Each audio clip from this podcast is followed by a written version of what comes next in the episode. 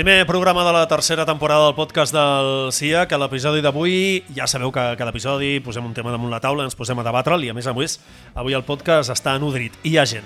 Doncs bé, a l'episodi d'avui ens centrarem a parlar de les AI, les ajudes destinades a aquestes associacions empresarials innovadores, què són, eh, tothom pot optar a les AI, quins projectes en poden formar part, si hi ha algun tipus de limitació, què necessiten les empreses, què ofereix el CIAC perquè aquestes, eh, les empreses del sector puguin optar a les AI. Bé, de tot això és del que intentarem donar resposta a aquestes i segurament altres preguntes en un debat, en un debat que esperem que sigui interessant i d'ajuda per vosaltres. I si us sembla, per parlar sobre les AI, contem amb persones que evidentment en saben molt, o bé perquè les gestionen, o bé perquè estan ficats en projectes, o bé perquè té una fotografia una mica més, una mica més àmplia. Anem a saludar els nostres convidats i convidada d'avui. Jaume Graells, director general de Movo. Què tal? Com estàs? Jordi Miranda, Smart Factory Manager de TAC Hola, Automotive. Benvingut. Àngela Fernández, responsable de projectes Hola, i gestió d'ajudes del CIAC. Què tal, com estàs? Carlos Corder, responsable de projectes del CIAC. Hola, bona tarda. Bona tarda. I el Jaco, presentador oficial. Hola, bona tarda. Ja porta tres temporades així, vull dir que no li discutirem el càrrec. Josep Nadal, gerent del CIAC, què tal, com estàs? Doncs vinga, va, anem a parlar de les AI, que ja sabeu que al podcast eh, tenim això, una mitja horeta mal comptada per eh, parlar sobre algun dels temes que ens plantegem i que posem damunt de la taula. Eh, jo el primer que faria és, per tenir una fotografia una mica més clara o tenir una idea una mica més clara, eh, allò, fer una mica de descripció ràpida sobre Uh, us la llenço, no sé si l'hauria de contestar l'Àngela, que potser té una mica, està més avasada amb tot el tema d'aquest de les ajudes. Què són les AI? Qualsevol empresa en pot formar part i quines condicions ha, ha de complir una empresa per formar-ne part? O, o el projecte? Una miqueta per situar-nos. Vale, perfecte. Aquesta és una ajuda que ve de, del Ministeri. Eh, aquest any hi ha hagut dues convocatòries, una que és la, la normal i després hi ha una, una extraordinària que, que, que aquest any eh, ha sigut de 50 milions d'euros i per poder participar eh, bueno, han d'estar inscrits a un registre d'AIs i bueno, les, les empreses poden ser qualsevol, poden ser associacions, però està destinada per pimes. I és per aquest motiu que els projectes han de tenir mínim tres pimes Per tant, entenc al, que són projectes o, o empreses que han de compartir un projecte o s'han de seure a parlar d'un projecte comú. Exacte, sí. Han de tenir, bueno, nosaltres intentem que siguin tres pimes amb algun industrial, i, i, i això és el... el Parlem una miqueta de perfils de, de projectes. Aquí també pregunta que, que llanço tant el Jordi, el Jaume com el Carlos, que evidentment eh, té molts projectes damunt de la taula i coordina molts projectes de, del CIA, com el Josep, que segurament tingui una, una imatge, com deia, una mica més, una mica més global. De, de quin perfil de, de projectes estem parlant de les AI, que ara ens definia una miqueta què són i com van destinades l'Àngela? Carlos, per exemple, i després, si vols, passem el torn al Jordi i al Jaume i que ens expliqui una mica més a quins projectes sí, estan ara mateix sí. eh, formant part sobre les AIs. Bueno, com bé deies, eh, al Resta tenim molts projectes. Eh? Afortunadament tenim, tenim molts projectes i la forma amb la qual nosaltres definim quins són els que presentem a les AIs són aquells que per, o per abast tècnic o per, o per abast econòmic eh, escapa una mica de, del que acostumem a fer al CIA perquè tenim un, un pressupost que és més humil i estem parlant de projectes que s'han d'executar en aproximadament uns 9 mesos i que poden estar entre els 300.000 euros i aquest any eh, hem pogut arribar fins al milió d'euros d'abast econòmic. Més o, menys, més o menys això són els, els tres distintius.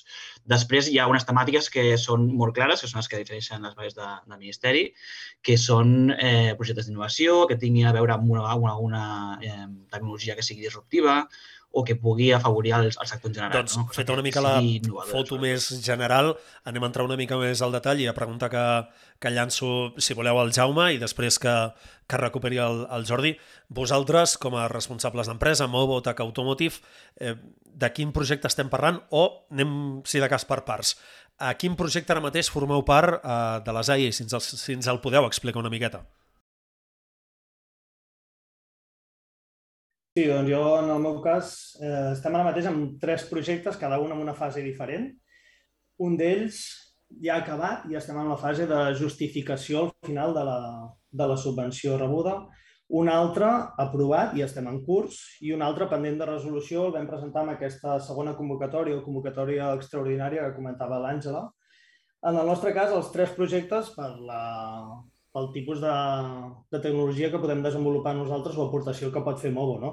Tots tres estan emmarcats en, com deia també el Carlos, la innovació, la logística, automatització, optimització. Una mica per sobre, tots tres projectes anirien, diguéssim, en la mateixa branca i això, tres i tots tres en una fase diferent. O sigui que Perfecte. Anem al Jordi, que ens faci una mica la, la fotografia, quin és el projecte que estan participant ara mateix, si ens el vol detallar una mica, doncs fantàstic, i després entrem una mica també en, en aquest procés i, i sobretot què, què, no tant que us aporta les empreses, que evidentment és important, sinó que us aporta les empreses i també què, què es pot aportar en el sector a través d'aquests projectes. És un coneixement que entenc que després és, és compartit.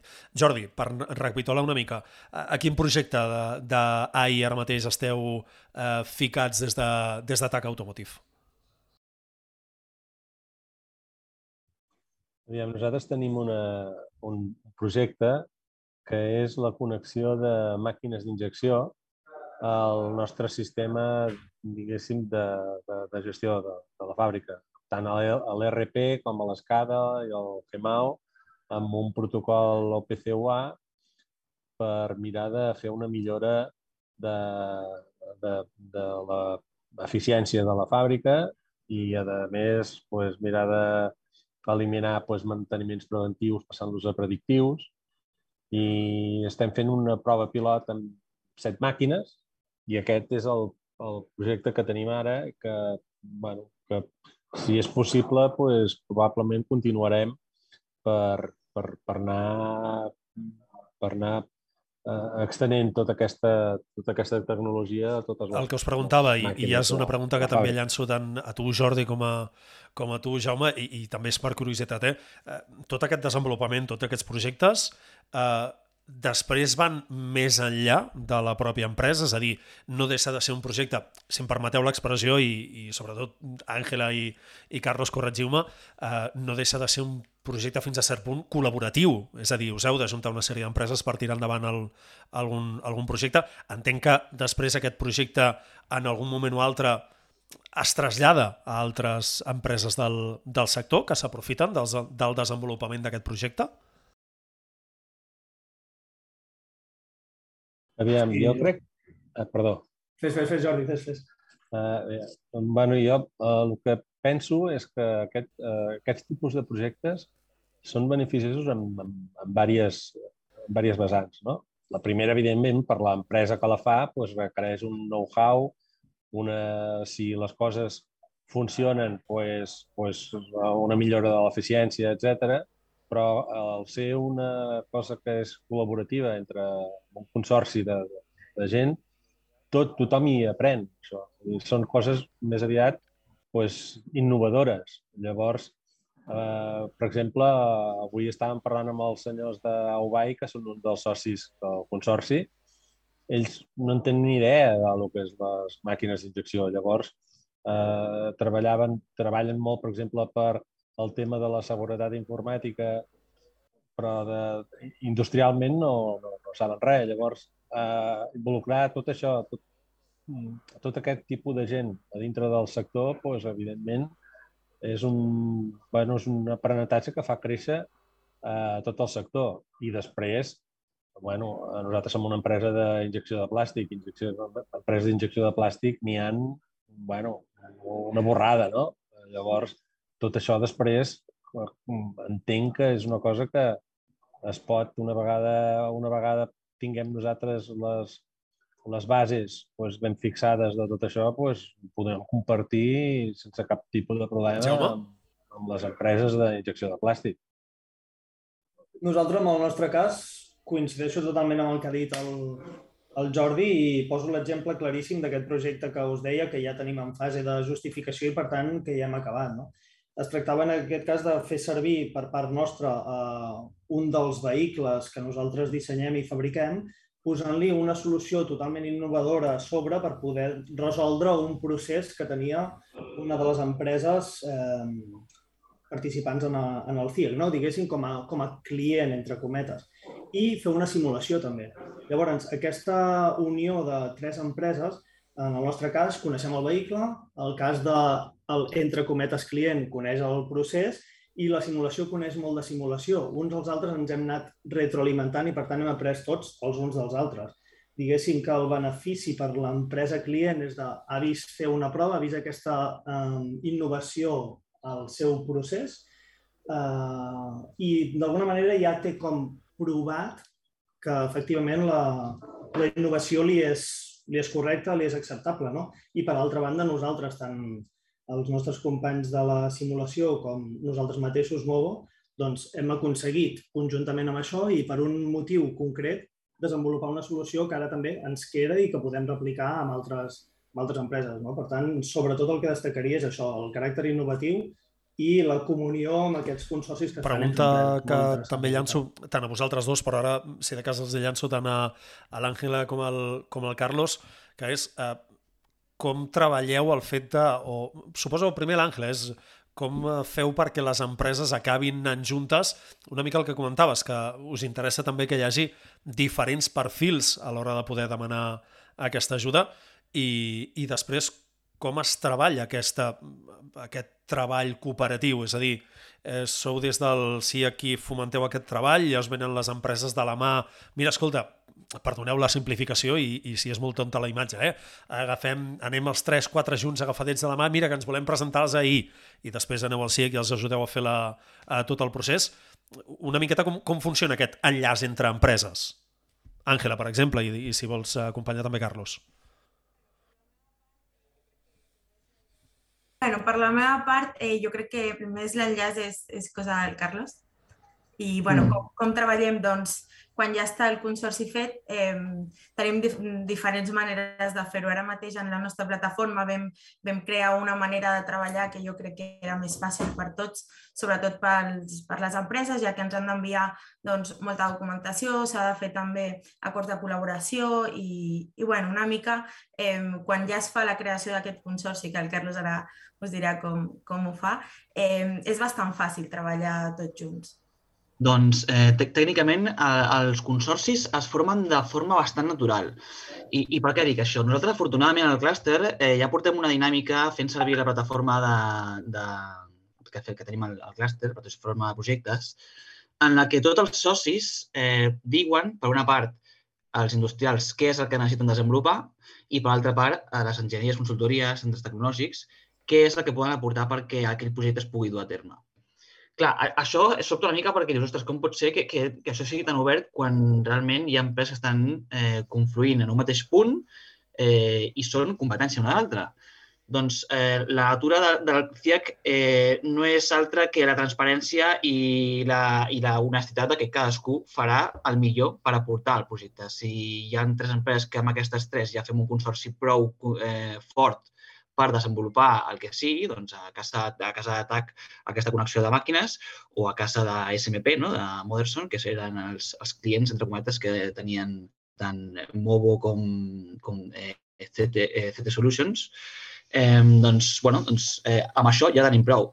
I la dinàmica que tenim de tantes reunions i tantes trobades que anem fent, com la que hem fet aquest matí, que també estaven eh, convidats eh, l'equip d'atac, eh, ens dona per, entre les xerrades, dir, doncs mira, a mi em, em fa mal això i eh, necessito això. Aleshores, els projectes quasi bé es donen de forma natural. L'únic eh, valor afegit que tenim, que no és poc, és eh, tenir el coneixement prou de les empreses, de què és el que està fent cadascú aquesta, a la seva empresa i què és el que desitgen per unir els punts i que després surti un dibuix que és Aquí és on volia entrar. Eh, és a dir, eh, entenc que en algun moment us deveu trobar en algun procés d'empreses que volen començar a treballar juntes per poder optar a algun projecte eh, que es pugui finançar a través de, de les AI però hi haurà algun moment que trobareu alguna peça de home, uh, uh, vale, d'acord, d'acord, uh, però crec que faria falta que, jo no ho sé, eh, aquesta altra empresa, aquesta altra empresa també formessin part del projecte perquè d'aquesta manera o podreu arribar més lluny o segurament el projecte pugui tenir altres visions o es podrà desenvolupar millor. Sí, sí, bueno, jo crec que aquesta tasca és la, és la tasca dels project managers pura i dura, eh? és a dir, nosaltres tenim la visió d'on pot arribar, tenim la, la, el coneixement de quines eines poden fer servir i a partir d'aquí els ho comentem i escolta, aquest projecte doncs, pot ser que tingui un abast més gran si eh, l'encaminem cap a les AIs. Escolta, mira, això pot, pot anar eh, a un budget de 300.000, 500.000 euros i en comptes de, de fer la prova del concepte d'un mes o dos mesos, en tindràs una amb més cara i ulls que pot trigar nou mesos. I clar, això sí que agrada, sobretot als industrials. Jo diria eh, que aquí, amb això que esteu dient, eh, que us explicar el Carlos, és, aquesta és una de les claus eh, per les que, per exemple, en aquesta última convocatòria que apuntava abans l'Àngela, al clúster hem estat capaços d'aplicar 15 projectes. Però hi ha pocs clústers a Espanya que hagin tingut un volum de, de presentació, no? de, de propostes tan alt com, a, com el nostre. I la clau està en una cosa que l'Àngela ha comentat, eh, però ha passat així com molt, molt de refilón, i és, eh, la, i també ho ha mencionat el Carlos, és que molts dels projectes, pràcticament tots aquests projectes ja estaven llançats a la plataforma, i ja existien consorcis o muntats o pràcticament eh, alineats, i això, sobretot, eh, i aquí és una labor molt proactiva per part de, de Carlos, l'Ona, la Mariona, de, de mantenir aquest caldo de cultiu de projectes en el clúster permanent, que alguns el financem nosaltres, altres aneu a buscar línies com poden ser les AIs, però és d'allà on hi ha aquesta velocitat. I després hi ha una labor molt important, sobretot que, que fa l'Àngela, conjuntament amb la resta de project managers de l'equip, que és el veure l'adequació d'aquests projectes al perfil de l'ajuda que, està, que està oferint de, al Ministeri, perquè al final el Ministeri busca coses molt concretes. No direm noms i cognoms, però quasi, no? I és aquesta eh, aquesta capacitat eh, d'alguna forma de, de perfilar-ho i després entra el que comentava ara el Carlos, no? de dir, escolta, doncs aquest projecte doncs es pot fer queixa cap aquí o faltaria un partner potser que vingués aquest aspecte per acabar de trobar l'encaix. La clau, realment, jo diria que està, que està amb això. I jo crec que la, les AI són una línia extraordinària amb uns nivells de, de, de finançament a fons perdut que difícilment pots trobar en qualsevol altra línia del Ministeri, de la Generalitat o fins i tot d'Europa. De, Uh, jo volia uh, d'alguna manera l'experiència que jo nosaltres hem tingut amb la presentació és uh, nosaltres vam, vam, vam llançar uh, en una de les trobades, ara no recordo quina va ser, però en una de les trobades que, que vam ser presencials ja fa temps, uh, ens van animar molt, escolta'm, heu de presentar projectes. Heu de... Nosaltres vam presentar tres projectes, els vam posar, els vam posar allà sobre la taula i es van anar a fer reunions Eh, d'aquestes que es fan pues, en el, o presencials o telemàtiques, i la gent pues, més o menys anava, eh, anava, anava dient, ostres, pues a, mi això m'interessaria, m'interessaria, m'interessaria, i al final quedes uns quants i el Carles parla, va parlar pues, amb tots els actors que hi havia allà i em diu, bueno, doncs mira, va, aquest el presentarem per aquí perquè nosaltres el veiem que això es pot presentar i, i va ser d'una forma molt natural. Vull dir, no, no... La veritat és que si no hi hagués hagut la participació del FIAC, d'alguna manera això ens hagués costat molt. Ens hagués costat molt. Jo, si em permeteu, també m'agradaria afegir una mica el nostre cas concret en, en línia amb el que aneu dient. Eh? Dos dels projectes que, que tenim en diferents processos dels AIs mm, són dos exemples diferents de com hi hem arribat, però tots en la línia del que deia el Josep. Eh? Aquesta proactivitat, aquesta naturalitat, la transparència també que comentava el Carlos ha sigut imprescindible. Un d'ells, per exemple, en aquest cas ja estava format el consorci, ja hi havia la idea de projecte, eh, una enginyeria de processos, CIP, nosaltres portant les solucions d'automatització, en aquest cas SEAT, la necessitat i l'expertisa en els processos. No? Vam presentar el projecte i el CIO el que va fer és ajudar-nos a doncs, encaixar, com deia també el Josep, no? busquen alguna molt concret, doncs encaixar-lo precisament amb això tan concret. No? I l'altre, 100% proactivitat de, en aquest cas de, per part del CIOC.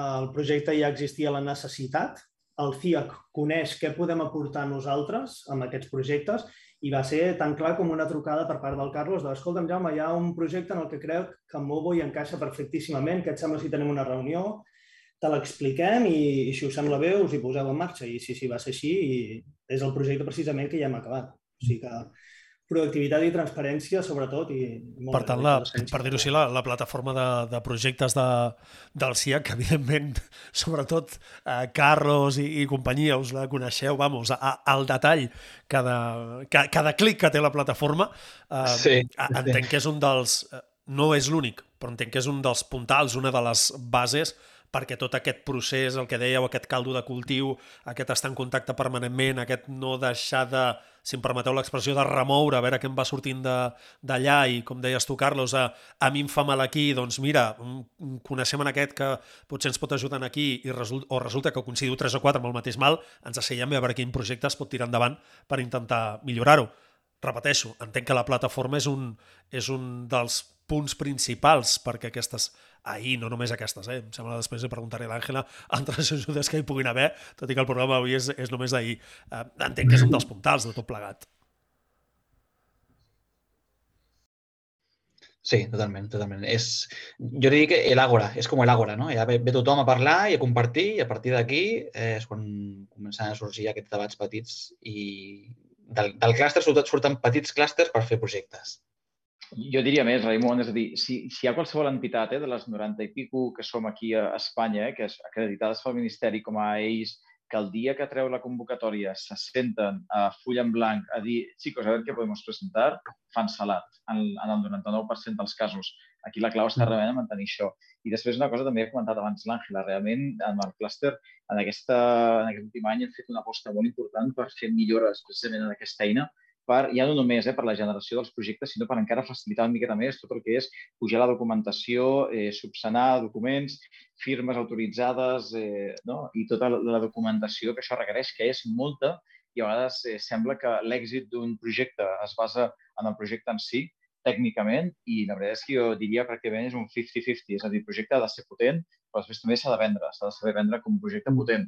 I això significa, evidentment, redactar-lo bé, per adaptar-lo bé aquí als industrials i a les enginyers i centres tecnològics l'han d'explicar bé, però després també hi ha una part molt important, i és que el projecte, des, de, des del punt de vista de consorci, ho ha comentat abans l'Àngela, ha de ser sòlid, és a dir, ha d'haver-hi enginyeries, ha d'haver-hi centres tecnològics, ha d'haver-hi pimes, sobretot, i ha d'haver-hi industrials que traccionin. És a dir, és, és, una, és un dream team que et demana d'alguna forma el Ministeri, de forma implícita, això no ho posa a les bases, però ells volen tenir la certesa que aquell projecte es presentarà, s'executarà, serà èxit i aquells diners després no s'hauran de tornar això és el que busca al final el Ministeri, que els diners es col·loquin, es puguin executar i després no hi en les subsanacions o justificació posterior no hi hagin incidents. I tot això és una labor Ara molt important. Ara que treus la part de, del calendari, uh, pregunta que llanço a, a l'Àngela.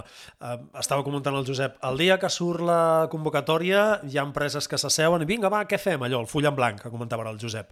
Uh, per la teva experiència, el temps que, que portes aquí al CIEC gestionant, uh, ara només, per exemple, la, les AI, eh, que és el, el tema de debat d'avui. Quin és el calendari oficial d'acord? I quin és el calendari extraoficial? És a dir, en quin moment les empreses s'haurien de posar les piles per no fer tard o no fer salat, com estava comentant ara el, el Josep?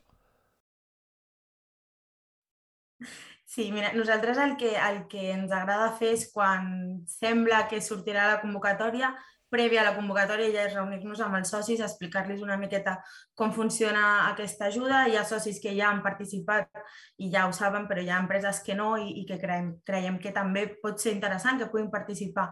I bueno, ens, ens doncs fem una reunió, els expliquem una miqueta i aquí jo crec que ja és el moment de començar a treballar, perquè després eh, et surt la, la convocatòria i tens 20 dies laborables, és a dir, un mes, per, per presentar el projecte. Però presentar el projecte és presentar a tota la part administrativa, que ens demanen molts papers, eh, i la part tècnica i la part econòmica.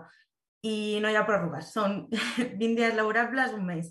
I, i bueno, jo crec que, que, que és això, abans, abans de, de que surti la convocatòria ja s'ha de tenir una idea clara, per això treballen moltíssim el Carlos i el, la, la Mariona i l'Ona amb, amb les empreses i amb aquesta, amb aquesta plataforma i les empreses ja ho saben i, i sí, jo crec que és pues, pues el que et dic abans de que surti inclús la convocatòria perquè després és que un mes passa, passa volant i, i, i, i es pot no arribar perfectament, però bueno, mai, has, mai ens ha passat eh, per això.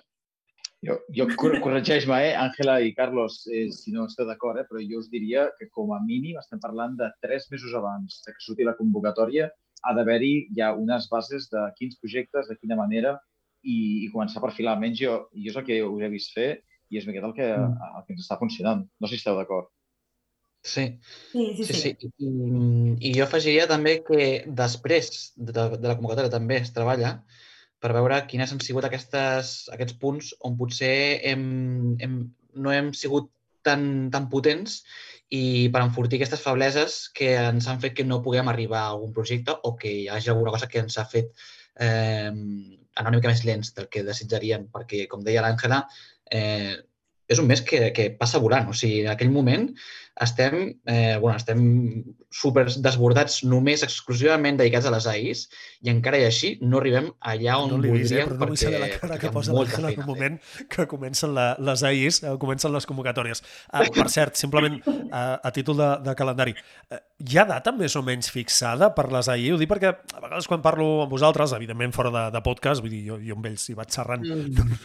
molt més enllà del podcast, eh, hi ha calendari establert? Ho dic perquè la sensació que em dona és més o menys la convocatòria està preparada per aquelles dates, però que no hi ha una, una setmana, una data en concret de eh, sabem que les AI sortiran, m'ho invento, eh? primera setmana de juny o primera setmana de febrer o tal dia de febrer. És més o menys intuïu, no? No, això, això Raimon, és, és, un, és un diàleg permanent no? que hi ha amb el Ministeri i nosaltres, afortunadament, no només el CIAC, eh, sinó aquesta coalició de, de, dels clústers d'automoció que, que tenim a nivell eh, nacional, que hi ha molt bona relació amb nosaltres, tenim via directa amb el Ministeri. De fet, els donem feedback eh, sobre eh, millores que poden fer en les fases d'una convocatòria cap a l'altra. Després pues, ells fan fins on poden, fins on volen, però és a dir, el, el diàleg està obert. Per tant, ells ens van avisant, perquè al final el Ministeri és el primer interessat amb què estiguem preparats per aquestes convocatòries. Per tant, hi ha un diàleg obert i nosaltres, doncs, dintre d'aquest diàleg, anem veient miqueta com, com estan preparant, què estan fent. Per exemple, l'Àlex eh, abans comentava, no? l'Àngela, hi havia unes convocatòries ordinàries, van passar a fer unes extraordinàries. Les bases d'aquestes convocatòries extraordinàries nosaltres les vam veure mitja dotzena de vegades als esborranys abans que es publiquessin per assegurar que el que sortia era factible i, per tant, feia possible l'aplicar posar en aquest tipus de projectes. Per tant, hi ha un calendari oficial, jo et diria no, però en, en tot cas el Ministeri eh, ens ho posa fàcil, per dir-ho així, en aquest sentit, de, de mantenir aquest diàleg i que ara és que hauria de dir jo, i això, estimats alumnes, és fer feina de lobby, que abans no surt la documentació, treballar-la perquè s'adapti al que realment necessita el, el sector i que no surti després qualsevol cosa. Uh, feta la broma... Al final és un win-win, si, si us hi fixeu, eh, perquè a, a les empreses els interessa tenir els projectes, evidentment tenir aquests nivells de, de, de finançament, bueno, en aquest cas de subvenció, fons perdut. Nosaltres, com a clúster, jo diria, però ens interessa, entre cometes, perquè al final un clúster assumeix un risc financer molt elevat perquè, per aplicar aquest tipus de subvencions, perquè al final l'últim responsable d'aquests projectes des d'un punt de vista econòmic i financer és el clúster, eh, i això és una, és una càrrega financera molt important que nosaltres assumim com a entitat, però al final és una relació on el clúster està d'intermediari entre el Ministeri, que intenta promoure pues, certes iniciatives, evidentment poder col·locar els diners i, i per tant, promoure eh, la indústria, etc. I les empreses, que jo crec que aquest tipus d'ajudes, eh, com les AEIs, n'hi ha poques, si és que n'hi ha alguna altra que es podria comparar, perquè si vas a buscar qualsevol altra línia, CEDETIS, CIENES, Missiones eh, o projectes europeus, són línies totalment diferents del que estem parlant aquí. Per tant, ens toca fer aquesta labor d'intermediaris, eh, en tot cas, i assegurar que les dues parts, eh, tant les empreses poden aplicar-hi, per tant, les bases del que se'ls demana són assequibles i el Ministeri, per l'altre costat, que entengui quina és la realitat industrial per poder treure coses... I si us sembla, ho anirem deixant. Llanço una última pregunta pel Jordi pel, pel Jaume i si us sembla tanquem el podcast, més que res perquè ja portem pràcticament mitja hora, de fet portem uns 29 minuts aproximadament. Uh, Jordi, Jaume, us llanço re, una última pregunta, simplement per conèixer uh, entenc, evidentment, pel que heu estat eh, comentant, que eh, tot aquest projecte, totes aquestes, aquestes ajudes de les AI van molt bé per desenvolupar projectes. I aquí va la pregunta. Jordi, Jaume, eh, quins projectes teniu clars que voldreu optar a les, a les properes edicions o, o les properes convocatòries, més ben dit, de les, de les AI? Em llanço, si, si et sembla, Jordi, que eh, nosaltres tenim clar que anirem, evidentment, a la línia del que podem anar portant, no? Ja ho hem dit, especialistes en donar solucions a l'automatització, la mobilitat intralogística, experts en els processos, per tant, sempre en aquesta línia.